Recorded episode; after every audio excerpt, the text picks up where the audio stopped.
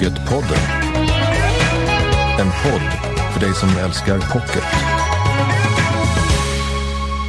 Hej, välkommen till det tionde avsnittet av Pocketpodden. Och idag tror jag vi kommer röra oss mellan två poler. Det kommer handla om verklighetsflykt, för det är ju själva huvudingrediensen i romance, en genre som förläggaren Ebba Östberg nu bestämt sig för att dra in i salongerna. Men romance kan också vara platsen för revolution, säger hon. Mer om det senare. Men verklighetsflykt tror jag inte att Stina Wolter sysslar med, inte nu längre i alla fall. Jag tror att hon vill ha livet, kroppen, döden, ja allt utan skygglappar. Men jag får ju fråga förstås. Och vi börjar med det. Välkommen till Pocketpodden. Jag heter Lisa Tallroth. Hej Stina Wolter! Hej!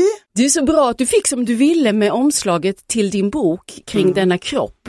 Det blev ju ett konstverk i sig. Bilden på dig i en liten varm stengryta. För mig är omslaget eh, ganska terapeutiskt i sig. När man har läst klart boken och stänger den så tänker jag att omslaget blir liksom den stilla triumfen över alla motkrafter. Att jag ligger kvar där naken, sårbar. Och jag, jag känner mig sårbar fortfarande när jag ser det. Men styrkan växer i att jag valde det här omslaget. Att i sårbarheten vara stark hand, handlar ju omslaget om väldigt mycket. Men självklart så hugger det till som en reflex inom mig när jag går förbi kanske ett skyltfönster där de har skyltat med boken och jag ser den här kroppen gånger hundra. Då reagerar jag nästan som en reflex med skräck. Varför då? På grund av att jag vet att en stor del av människorna som går förbi inte tänker okej tankar om den här kroppen eller om mig som är avklädd. Jag hanterar det i princip varje gång jag tittar på min egen bok. Och ehm, kroppen minns sina kränkningar på något sätt. Men om vi ska leva rädda i våra kroppar då får vi fruktansvärt dålig livskvalitet så att jag måste ligga kvar där. Det är en väldigt vacker bild. Ja, jag älskar den. Men historien bakom bilden Mm. eh, finns i eh, boken och också historien bakom omslaget som du då, som du berättar, har sl- slagits för. Och det är ju en av många historier i den här essäboken Mm. om livet, döden, kroppen, konsten, Mm. om sårbarhet, som du sa, om självhat och självkärlek. Det är ditt liv och dina tankar. Den Mm. är sorglig och den är rolig. D- När du säger självhat, jag när inget självhat utan det är någonting som planteras i mig och man måste medvetet brotta ner det. Så, så jag är ingen självhatande människa.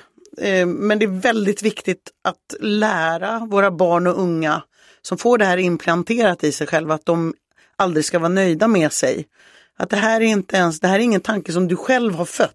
Och vi måste med våra egna hjärnor brotta ner den. Och det är ett enormt hårt arbete, jätteviktigt.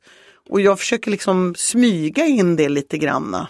Eh, Det tycker jag inte man kan säga att det smygs in. Det är ju, Ja, den här jag- brottningsmatchen är ju mycket av bokens innehåll. Absolut, det jag menar är att jag kommer, det här är ingen handbok, det är, ingen, det är inga stora jäkla pekfingrar, gör så här, älska dig själv. Men att ifrågasätta och våga tänka och lyssna och resonera några varv till.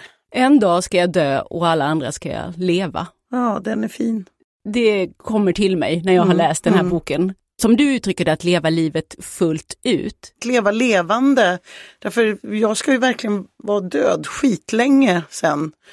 Folk verkar tänka lite, lite på att vilket slöseri det är på livskraft. Att vända, vända så mycket negativ energi mot hela förutsättningen för liv, det vill säga våra själsfodral. Det är sån otroligt slöseri. Och eh, i samma stund du bestämmer dig för att inte föra det där kriget, att inte liera dig med motståndskrafterna, då helt plötsligt får du tillgång till så mycket mera kraft och energi. Det är inte konstigt att folk inte orkar eftersom de ägnar så mycket tid åt att vilja förändra sig. Verklighetsflykt, eh, ägnar du dig åt det? Jag läser ju romance och älskar romance. Men jag skulle inte vilja kalla den genren för verklighetsflykt. Det är ju, det är ju mm, spice, det är en slags kryddning, sötma, det är um, det är att liksom få, få sätta sig på röven och bara liksom få glida med ett tag. Det är så himla gött.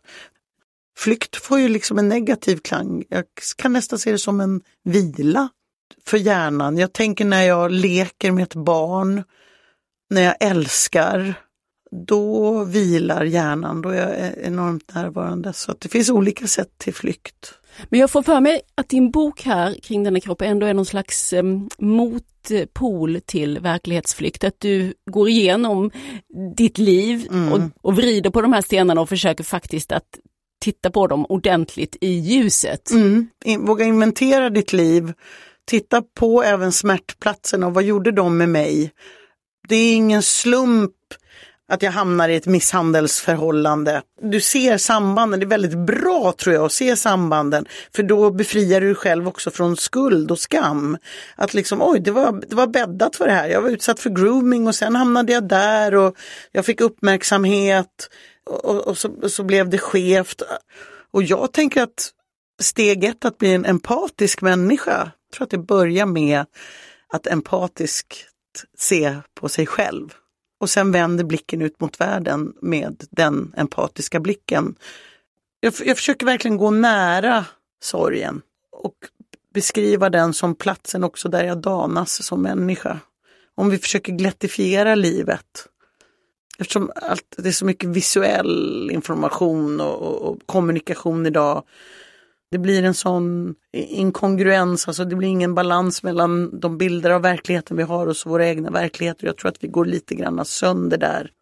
Det är ju sällan de lyckliga månaderna vi springer barfota med maskrosor mellan tårna över ängen. Det var, det, där vilar vi ut. Men det är på de andra platserna ofta vi blir till och Dana, så har det varit för mig och det har varit bra för mig att få syn på det genom att skriva livet. Man får ju mycket, tycker jag, förklaringar till varför du behöver ta det här punggreppet på livet, om jag får uttrycka mig så, ja. i din bok. För du berättar ju om ditt liv mm. och din eh, familj och din uppväxt. Och du berättar också då din systers sjukdom, mm. Eh, Ylva som blir svårt sjuk i anorexia och mm. dör i den sjukdomen mm. också strax mm. innan hon ska fylla 30. Och du berättar om din mamma, som jag förstår du inte riktigt når fram till förrän ganska sent i livet när hon är på sin åldershöst och så följer mm. du henne mm. till slutet. Ja, hon är ju i sitt fängelse, sin generations fängelse, stereotyp kvinnans fängelse.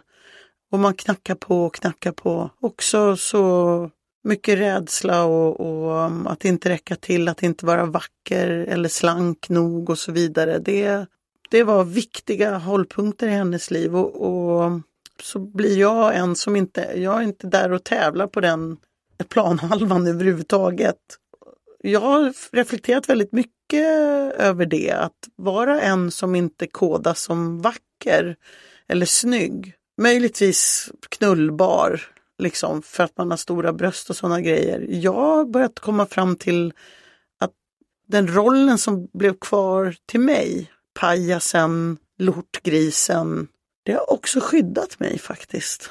Hur har det skyddat dig? Jag tänker att de som föds med ett utseende som kodas som, som snyggt idag, de måste ju upprätthålla det hela tiden. De, de får inte slappna av lika mycket som jag faktiskt ändå har fått chansen att göra. Eftersom jag bara, ja, jag trott att jag var en ful tjej helt enkelt. Ja, jag odlade ju konsten och Ja, jag tycker det är intressant. Jag tänkte på att du ju också blir nu då bärare av din syster och din mammas historia. Mm, mm. Och hur tänkte du kring det där? Vad som är viktigt för mig är ju att det som finns kvar är bara kärlek. Det är ju det absolut viktigaste och det är många som har hört av sig till mig och ser just den försonings och läkningsprocessen som enormt inspirerande och uppriktigheten kring hur jag påverkas av att vara nära Ylva. Men du är ju arg många gånger, både på din syster och på din mamma och ja, på men det är kärlek. i Vad är motsatsen att jag är avstängd och oengagerad? och skammen av att känna vrede gentemot en människa som dör. Den är tung att bära för att jag bar på vrede och det tog lång tid för mig att acceptera att jag var arg. En, en sorgsen vrede över det vi blev bestulna på, både i relation, tid, kraft.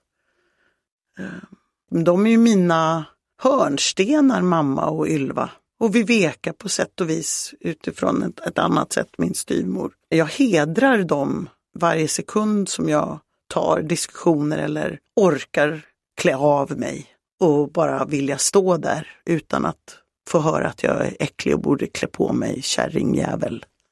Men männen i din familj då, har de någon plats i den här? Det var inte deras berättelse. Sen har ju jag, Micke är ju med, min älskade.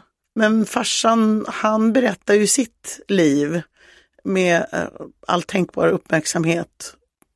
Jag tänker på det här att vi lägger mycket på mammorna och kvinnorna när det handlar om att föra vidare kroppsideal till döttrarna och har Nej, men Skulle pappa, din pappa kunna haft någon roll i det? Ja, gud ja! Gud ja! Oj, oj, oj, oj, oj. Det är klart jag blir påverkad av att höra att han kallar en, en viss sorts tjejer eh, stora eller tjocka och så tittar man upp och så ser man att de är eh, smalare än jag. Det är ju utseendefixerat och ätstört och det reproducerar, har han reproducerat självklart. Den blicken på kvinnokroppen. Men han har absolut blivit bättre. Det går att fostra gamla hundar. Han är ju främst fostrad av, det är inte alltid man som barn orkar ta den biten. Men mitt barn, hon är kanske den som har fostrat honom hårdast. Hur gör hon då? Oj, oj, oj, hon bara ber honom hålla tyst och sitta ner på stolen och lyssna jävligt noga. Och, och han bara mm, Oops. Det är en fröjd att se. Han, han lyssnar på henne. Han har absolut blivit en bättre feminist och, och har bättre koll på sin blick. Faktiskt.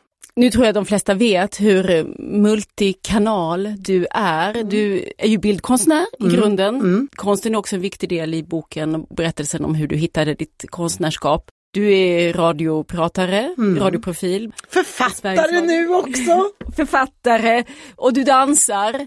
Ibland på tv och ibland på Instagram, för där har du ju också en, en scen nu, Mm. ditt instaflöde. Och det började ju nästan i dagboksform. En plats eh, att prata om den konstnärliga processen och, och så, så det där som uppstod kring ja, en dans, det, det var ju fullkomligt otippat och oplanerat och så plötsligt så fann jag mig stående i någon slags förgrund för en kroppspositiv rörelse och då var det bara Ja, då gör jag väl det. Jo, för här är jag ju. Om det är så fruktansvärt upprörande, då, då får jag väl ta den här fighten och så Jag har inte riktigt fattat, kallar du dig själv kroppsaktivist? Känner du dig Jo, ett jag har, med det jag har begreppet? alltid ett tillägg att jag tycker det är en absurditet att det ska behöva. Att en människa i sin fulla rätt anses vara äckligare än en annan som i sin fulla rätt har ungefär lika mycket kläder på sig och syns och tar plats och låter eller bara finns. Då har vi ett allvarligt problem både med avkläddheten och eh, eh, att den tjocka människan inte ska synas. För bara hon syns så uppmuntrar hon ju till ohälsa och fetma. Som om jag bara genom att finnas får folk att gå och liksom dricka bearnaisesås. Jag finns bara, jag bara gör grejer och så här ser jag ut. Så okej, då är jag väl kroppsaktivist men jag beklagar att jag ska behöva vara det. Det var en sak som Åsa Bäckman skrev i DN som har gnagt lite hos mig, det är ett par år sedan. Hon skrev det fina och berörande med dina inlägg, Stinas inlägg, det är att hon inte ser ut att njuta av det. Som att det hela tiden finns ett litet hinder, en skamkänsla som hon känner, men övervinner. Ja, så är det.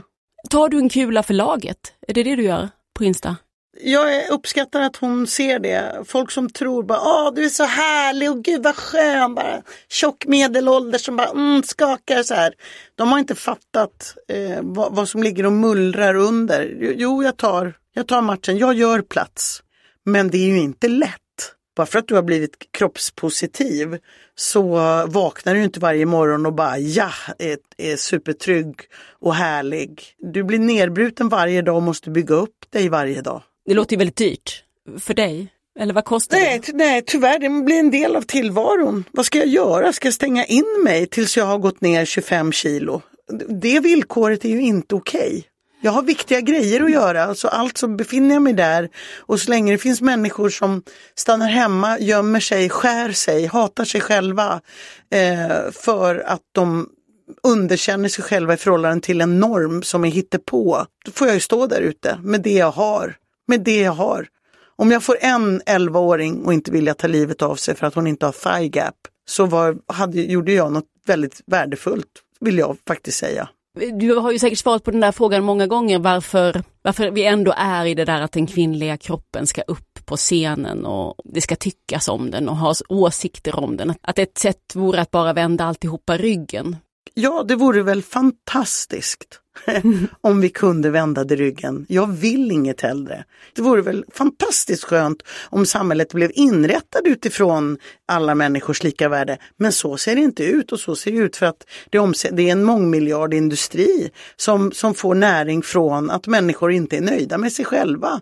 Så det, det är en kamp varje dag men du ger förslag på lite alternativa inställningar i boken. Att kroppen som, som form, som en, en eh, icke-värderad form, som en intressant form och jag, som en känsla och en funktion. Jag tror verkligen att vi konstnärer har eh, eh, ett viktigt uppdrag där. Jag, jag ehm, hjärnspikar, jag borde faktiskt göra ett tv-program där man rent visuellt kan visa. Det där ska jag ha med mig. Hmm. Att tvätta tillbaks våra hjärnor till sans tror jag är viktigt. Vi kan själva ta ansvar för våra hjärnors autopilot genom att till exempel, som jag tipsar om i boken, göra en C-tox. Vad är det man gör då? Försök i den mån du kan eh, avfölja konton som, som på något vis väcker självtvivel, självhat. Men nu är det där så, det, det, det är så listigt upplagt så att det, det, är inte alltid säkert att du liksom kommer att tänka på det. Men försök. För att om det är något vi inte kan freda oss emot så är det det visuella flödet. Det påverkar våra hjärnor utan att vi riktigt kan skydda det. Så det vi kan vara med och förändra ska vi faktiskt göra. Vi måste göra det. Vi måste göra det för våra barns skull. De kan inte skydda sig. Om samma bild upprepas på vad en snygg och lyckad människa är. Till slut så blir ju det sanning och verklighet. Alltså det är ju tolvåringar som skriver till mig. Ditt fula äckel och sådär. Var kommer det ifrån? När de är så små. Apropå det du kallar hatarna i boken mm. och det här med Citox, för det är en sak som jag grubblar lite över. Du mm. ger ju en del utrymme i din bok åt de här hatarna, mm. pelargonkvinnorna, mm. dickpickarna. Mm. Nej, jag håller fram dem och så sluter jag dem nära.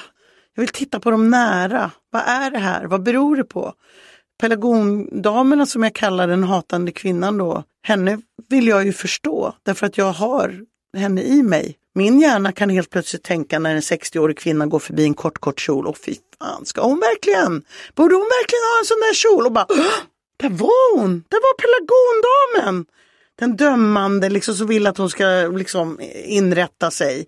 Hon är överallt. Äter de här hatarna på dig? Nej, faktiskt inte. Av den enkla anledningen att jag sätter det i sammanhang vad är det här en del av? Om, om jag ser det som Gurra Persson som individ ger sig på mig. Eh, om jag ser helheten så, så ser jag ju honom också som ett offer som känner sig tvungen att skicka en bild på sin penis eller förolämpa mig eller försöka kränka mig. Men på samma sätt som, om, som det svider till av mig, i mig av skräck när jag ser på mitt eget bokomslag, så reagerar ju min kropp med, med sorg. För jag vill ju bli omtyckt. Jag tycker jag är en bra människa. Jag, jag är en helt okej okay människa. Och då ett litet barn i mig blir väldigt ledsen och tycker det är orättvist när någon är dum mot mig. Och det hugger till, självklart. Och så tvingar jag mig att liksom sätta det i, i en större kontext och då överlever jag. Mm. För varför tycker du inte att man bara kan tiga ihjäl ja. de här som bara beter sig helt oanständigt. Nio fall av tio gör jag exakt det. Jag bara blockar och slänger. Men jag hjälper inte resten av mänskligheten genom att inte visa hur det ser ut. Det finns föräldrar som inte vet om hur det ser ut för deras barn. Jag delar ju inte bara skärmdumpar utan jag skriver ju alltid vad det här handlar om. Jag gör en analys, försöker ibland komma på lite humoristiska sätt att svara. Alltså det är hundratals människor som använder sig av mina svar. Eh, som både kan vara vassa utifrån att det är en kriminell handling till exempel eller eh, att eh, desarmera eh, de som ger sig på en. Vi behöver verktyg. Det här är våran eh, sociala medieverklighet och den tar död på människor. Eh, det finns tjejer som har hetsats till självmord. Nu har du här i sommar haft ett eh, sommarprogram i P1 som jag kan säga redan nu har skrivit in sig i sommarprogrammens Hall of Fame. Oh. Det är ett sånt där som jag tror inte man ska säga vad det handlar om för då tror folk det där vet jag inte om jag orkar höra. Nej, och det, Men man orkar. Det var därför jag var höra. jättesnål med att prata om det innan. Vad handlar ditt program om? Jag ville inte det. Om jag har en dröm så är det att när du har lyssnat på det här programmet så ska du lämna det med en djup förälskelse till livet och en minskad rädsla för att möta andra människor på olika slags platser, även de platser som råkar vara i närheten av döden. Så nu skriver vi ut receptet att läs Stina Wolters bok kring denna kropp och så lyssnar du på hennes sommarprogram också. Ja, då får man, jag tror att man får en fin liten eh, så här kärleksboost av att, att orka gå ut i livet. Oh, det här är jobbigt för mig. Jag får faktiskt, jag får faktiskt titta, jag får ett så här armsvetspåslag bara jag säger positiva saker om mig själv. Men det, jag skulle faktiskt vilja säga det. Mm. Tack så mycket Stina ja. Wolter för att du kom hit till Pocketpodden. Tack! Fint att vara här. Tack snälla. Ja, lycka till att klippa det där ur din stackare. Fy fan vad jobbigt. Jag beklagar, jag, i och med att jag själv klipper intervjuer så vet jag vad du har. Pocketpodden. Nu har jag redaktörer här i Pocketpodden, Lisa Jonasdotter Nilsson och Cecilia Losberg. Och en trave böcker. Framgångsboken heter den första vi ska prata om. Ja, och den är skriven av Alexander Pärleros. Han driver den otroligt populära Framgångspodden där han varje vecka bjuder in gäster som på olika sätt har nått framgång i sina liv. Och nu kommer den här boken alltså i pocket. Och det jag gillar allra bäst med den är att synen på framgång nyanseras på ett väldigt sympatiskt sätt. För det är nämligen lätt att tro att framgång ska vara synonymt med att tjäna mycket pengar eller ha den finaste titeln på sitt visitkort. Men så behöver det inte alls vara. Det som är framgång för mig behöver inte vara samma sak som det som är framgång för dig. Och här får vi bland annat lära oss hur vi kan visualisera våra mål med hjälp av en framgångstavla, hur vi optimerar vår tid, hanterar motgångar och vågar ta de steg som krävs för att man ska växa som människa. Det är lite det jag ser i kärnan i boken, att man ska hitta sitt eget driv, sin egen framgång.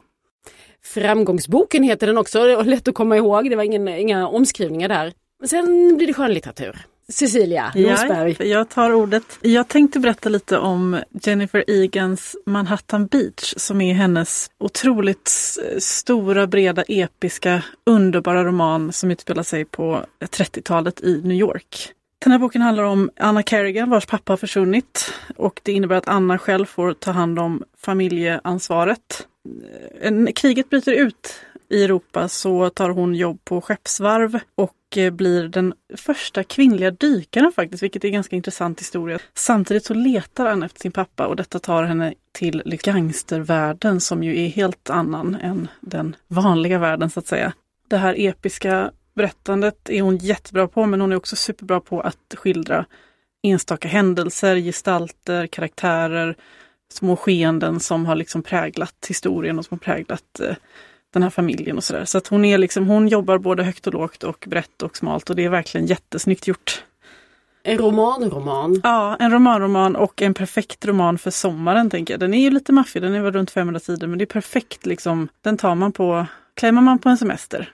Och den heter Manhattan Beach och det är Jennifer Egan som är författare. Och sen en Ruth Galloway-deckare. Ja, Ellen Griffiths är verkligen en författare att lita på. Hon har varit min trogna följeslagare under massor av somrar. Det är, hennes serie om rättsarkeologen Ruth Galloway är sådär mysigt läskig. Den mörka ängen, som nu finns i pocket, är faktiskt en av mina favoriter i serien.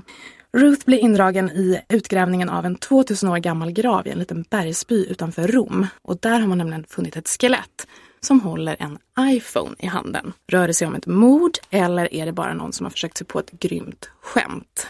Ja, det får man läsa i den här boken och det bästa med Ellie Griffiths är att hon gör sina karaktärer så otroligt älskvärda. Man kan inte annat än att heja på den coola Ruth som kan allt om arkeologi och dessutom är smart och fyndig. Det kryllar av härliga brittiska miljöer och det är alltid en riktigt smart deckarintrig som rullas upp.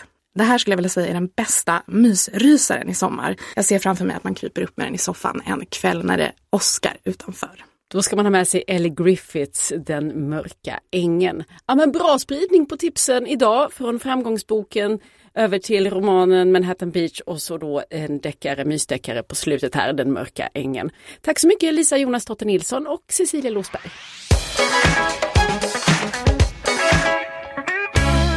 När författaren Håkan Nesse var här i podden för ett tag sedan, då sa han att eh, om man inte funderar på döden, ja då visste han inte vad man funderar på. Men det kan jag tala om. Man tänker på kärlek. Och det är just kärlek vi ska prata om idag. Den kommer som bekant i många former. Och idag ska det handla om riktigt saftig romantik. Det som på genrespråk kallas romance.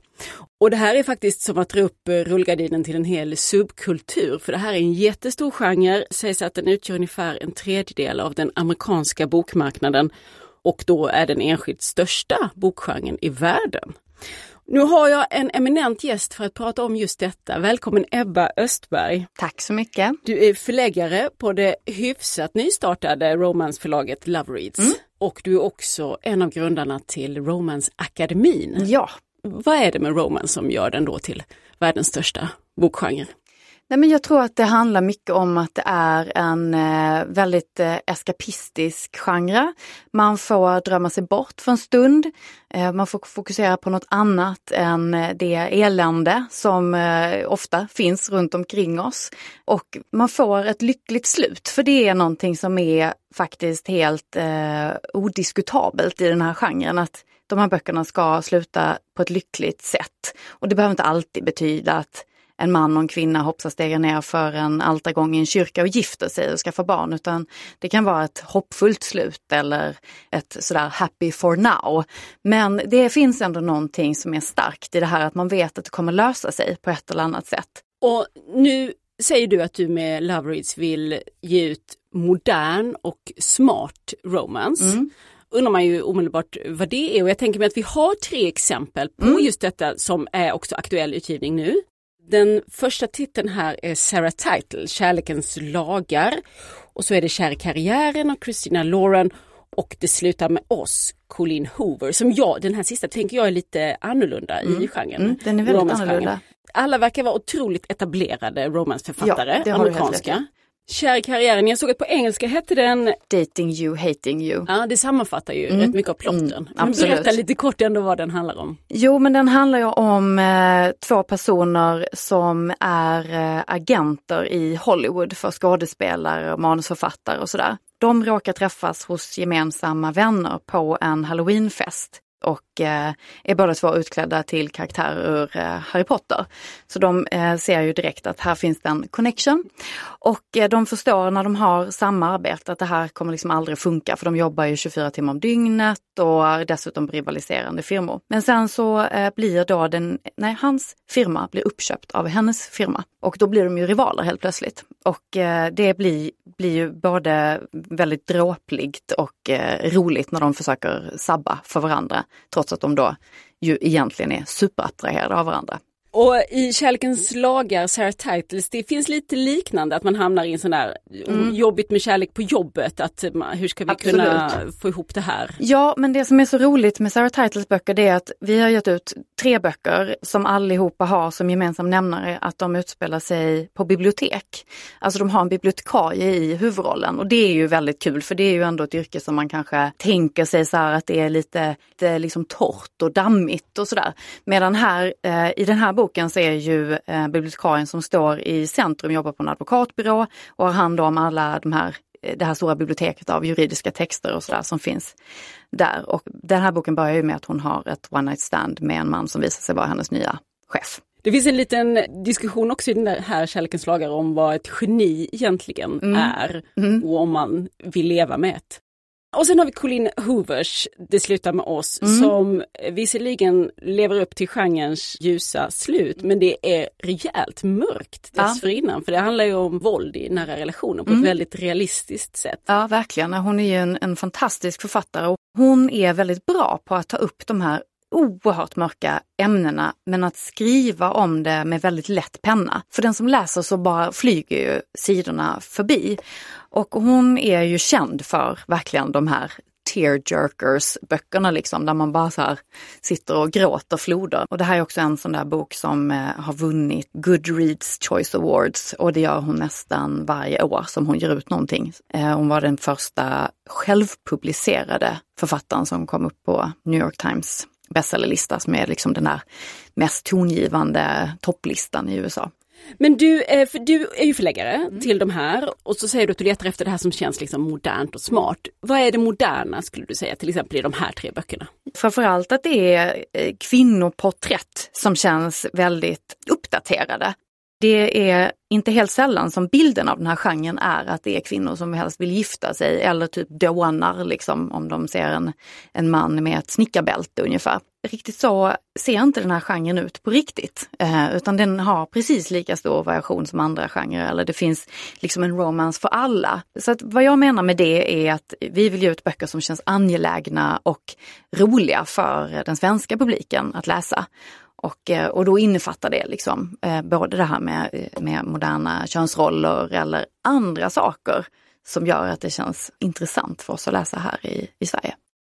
Jag läste precis en eh, ovanlig recension. Den var ovanlig på så vis att det var en feelgood roman som mm. recenserades i Aftonbladet. Och där skrev recensenten att feelgood-genren till sin natur är opolitisk. Intressant. För samtidigt så har jag också nu då läst vad ni i Romance Akademin sysslar med. Ni pratar ju till exempel om att vi står på tröskeln till en samtida kvinnorevolution och att det är romance som, som genre aktivt arbetar med, mm. eller mot sexism och mm. fördomar. Så det låter ju allt annat än opolitiskt.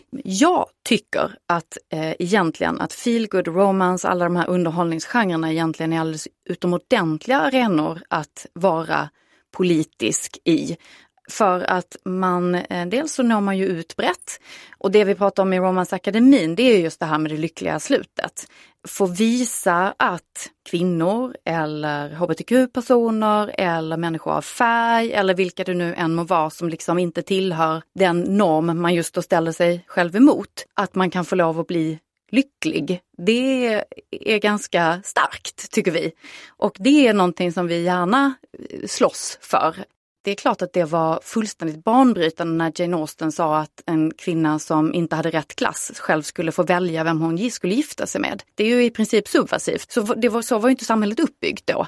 Att kvinnor skulle få välja vem de gifte sig med. Och det här är ju liksom någon form av light-version av det. Att man visar att jo, men trots att du nu då inte tillhör den normen vi har i just det här samhället, så ska du visst det få ditt lyckliga slut. Och det får du här och därför kan det kännas som en liten litterär fristad jag vet, det finns en, en jättefin dokumentärfilm om amerikansk romance där en eh, svart författare som heter Beverly Jenkins just berättar så att hon har fått väldigt mycket brev från läsare som just beskriver att en person som ser ut som jag, som har min historia, min bakgrund, får lov att så bara ha, bara vara subjekt i en berättelse där man får bli lycklig, att det är så starkt.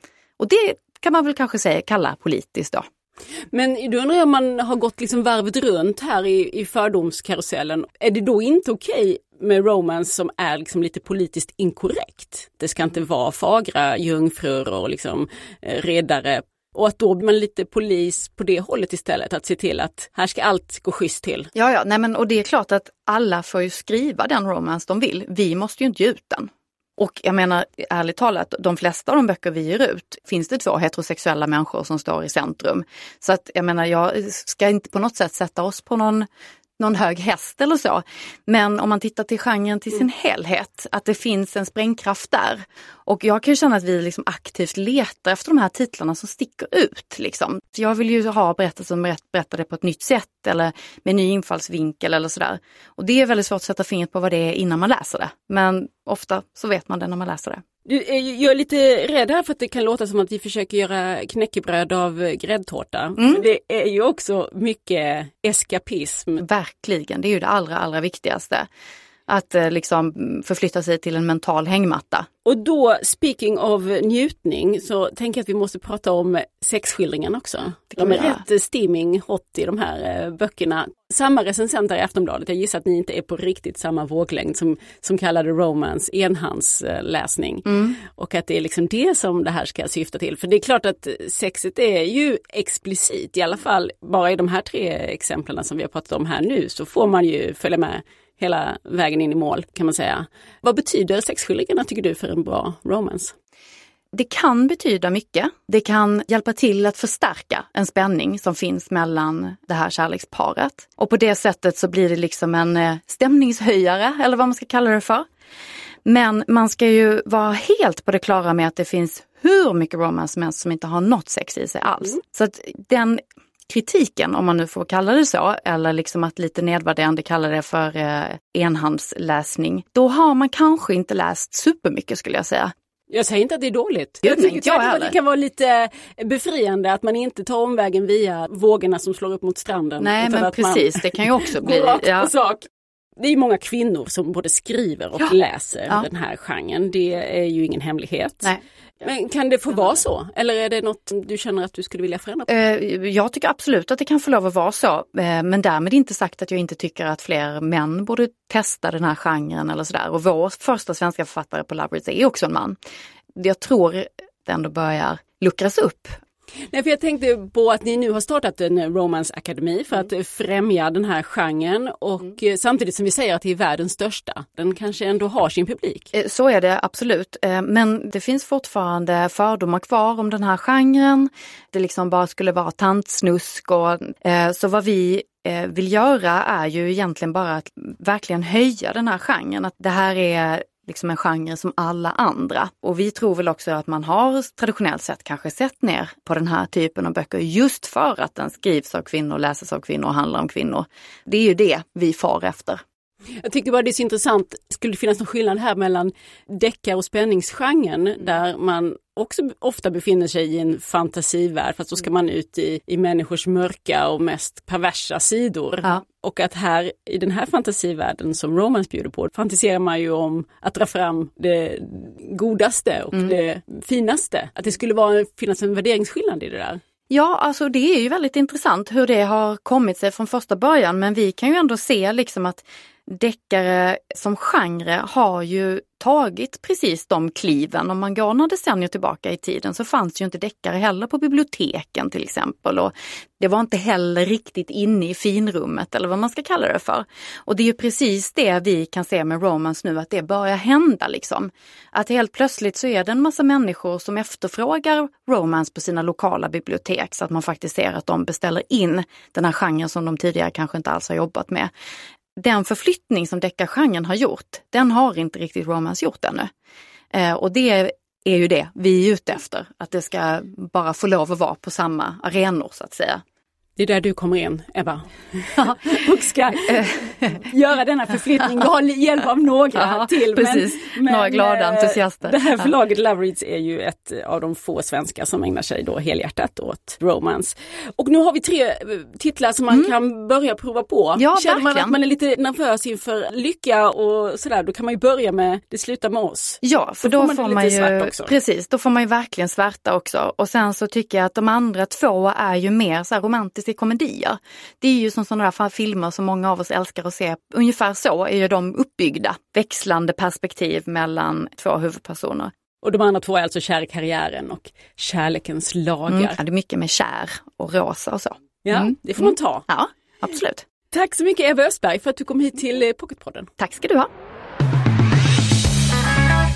Pocket Shop sponsrar vår podd och det sammanfaller med att Pocket Shop också firar 30 år här i Sverige. Från Pocket Shop har jag här Torbjörn Elbe och Mattias Kampman. Idag ska vi snacka om event. Vi vill ju ge något extra, alltså butiksupplevelse för våra kunder. Kan ni ge ett exempel på någon typ av event som ni har haft? Haft, vi hade releasefest för Magnus Westerbros Svälten några månader innan han vann Augustpriset för den. Sen hade vi vid internationella kvinnodagen i år hade vi eh, Marta Brenn och Janne Jordahl som har skrivit Kvinnor i kamp på besök från Norge. Kör ni fortfarande med det här att författare kan dyka upp i kassan? Och jobba? Nej, det var kanske inte världens mest briljanta idé men vi, vi, vi ville då början på 90-talet att inte bara ha så vanliga klassiska signeringar utan vi ville få författare att sitta i kassan och jobba på Pokershop för att det skulle bli lite surprise för kunderna. Eh, alla författare var inte jättebra på kassaapparaterna och så. Men vi hade, vi hade en väldigt rolig grej. Det var Ernst Brunner som kom, eh, ringde honom en gång och frågade om han ville komma och sitta och jobba i kassan på Pokershop på centralstationen. Han hade precis kommit ut med Edith och han ställde upp på det. Jag tyckte det var jätteroligt. Han kom dit och vi lärde upp honom kassan och så satt han sådär. Och sen efter en stund så kom det in en dam i butiken. Ingen koll alls på att han satt bakom kassan och gick direkt till hyllan. Så tog hon Edith och så gick hon till kassan och skulle betala. Fortfarande ingen aning om att det var Ernst som satt där. Och det blev, spänningen byggdes upp för alla som stod och tittade på det. Det kostade 39,50 la fram pengarna och så helt plötsligt så frågade Ernst, vill du ha den signerad? Och jag såg på damen liksom tänkte så här, herregud, personalen frågar om allt om vi ska signera kundernas böcker och så vidare. Men sen efter ett tag så var det så att paletten ramlade ner. Men gud, det är ju faktiskt Ernst som sitter där. Och så fick den signerad och så gick hon därifrån. och så var det liksom så klart med det. Det, det var en idé som, som var egentligen eh, roligare på eh, idé, idéstadiet än i verkligheten kanske. Ernst var väldigt duktig då vill jag säga. väldigt duktig. Jag tycker det hade varit kul om jag träffade på eh, författaren när jag skulle betala mina böcker. Och så ligger det en höst framför oss. Händer det någonting? Det kommer hända jätte, jättemycket. Göteborg extra stort och mycket i samband med Bokmässan. Och även eh, Götgatan kommer att ha fullspäckat eventschema i höst. Och hur håller man koll på det här då? Då blir man jättegärna medlem i vår kundklubb Book Lovers eller så tittar man in i någon av våra butiker. Pocket Shop som sponsrar Pocketpodden, det tackar vi särskilt för.